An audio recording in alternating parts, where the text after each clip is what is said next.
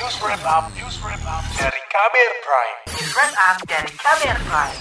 Saudara, rancangan Kitab Undang-Undang Hukum Pidana hampir disahkan pada September 2019 lalu. Namun pembahasan ditunda karena terjadi penolakan luas di masyarakat. Jika RKUHP kembali dibahas, apakah akan muncul kembali penolakan?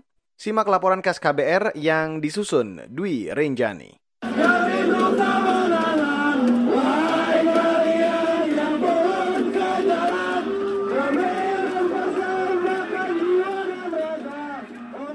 September 2019 lalu, ribuan mahasiswa dan masyarakat turun ke jalan menolak rencana pengesahan revisi Kitab Undang-Undang Hukum Pidana RKUHP.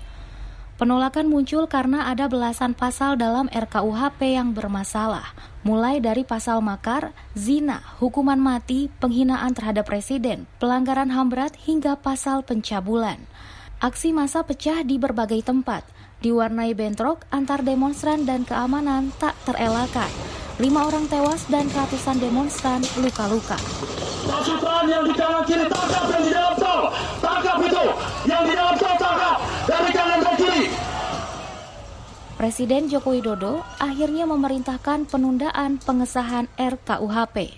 Setelah mencermati masukan-masukan dari berbagai kalangan, yang berkeberatan dengan sejumlah substansi-substansi RUU KUHP, saya berkesimpulan masih ada materi-materi yang membutuhkan pendalaman lebih lanjut. Untuk itu, saya telah memerintahkan Menteri Hukum dan HAM selaku wakil pemerintah untuk menyampaikan sikap ini kepada DPR RI, yaitu agar pengesahan RUU KUHP ditunda. Penundaan dilakukan untuk menggodok beberapa pasal dengan isu sensitif. Kepala Badan Pembinaan Hukum Nasional Kementerian Hukum dan HAM, Beni Rianto mengatakan, setidaknya ada 14 isu yang harus dimatangkan. Yang pada prinsipnya bahwa pemerintah melalui Menteri Hukum dan HAM mengirimkan surat kepada DPR mengenai penundaan rapat paripurna pembahasan rancangan undang-undang Kitab Undang-Undang Hukum Pidana. Mengapa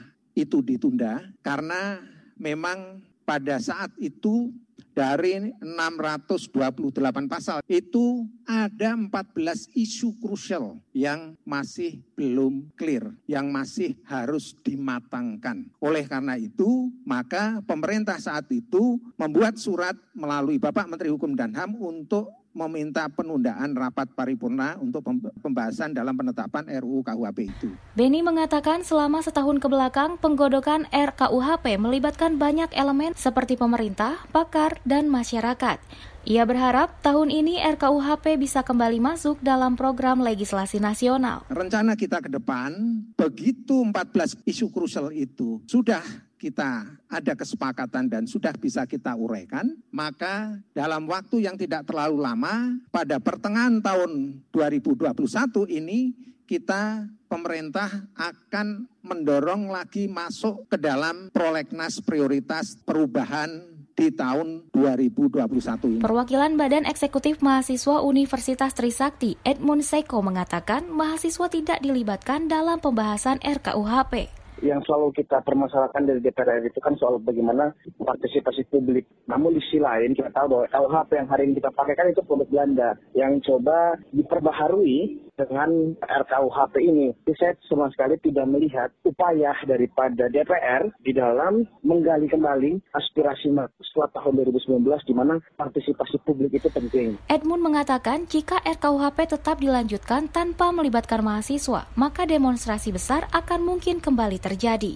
Dengan adanya isu RKUHP yang kembali muncul, saya berpendapat bahwa akan memicu gelombang protes yang sangat besar. Bahkan bisa lebih besar uh, dari kemarin sepanjang konsolidasi mahasiswa substansial, strategis, dan rapi. Peneliti dari Institut Reformasi Hukum Pidana ICJR, Ajeng Gandini mengatakan KUHP memang harus diperbaiki karena sudah usang.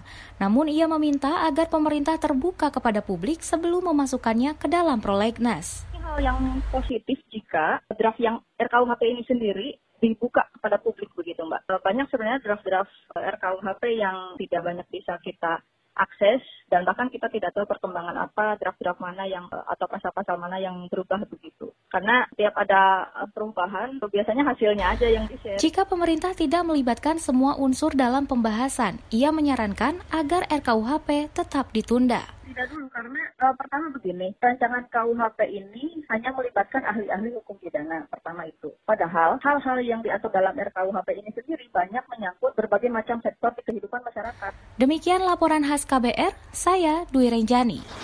Kamu baru saja mendengarkan news wrap up dari KBR Prime.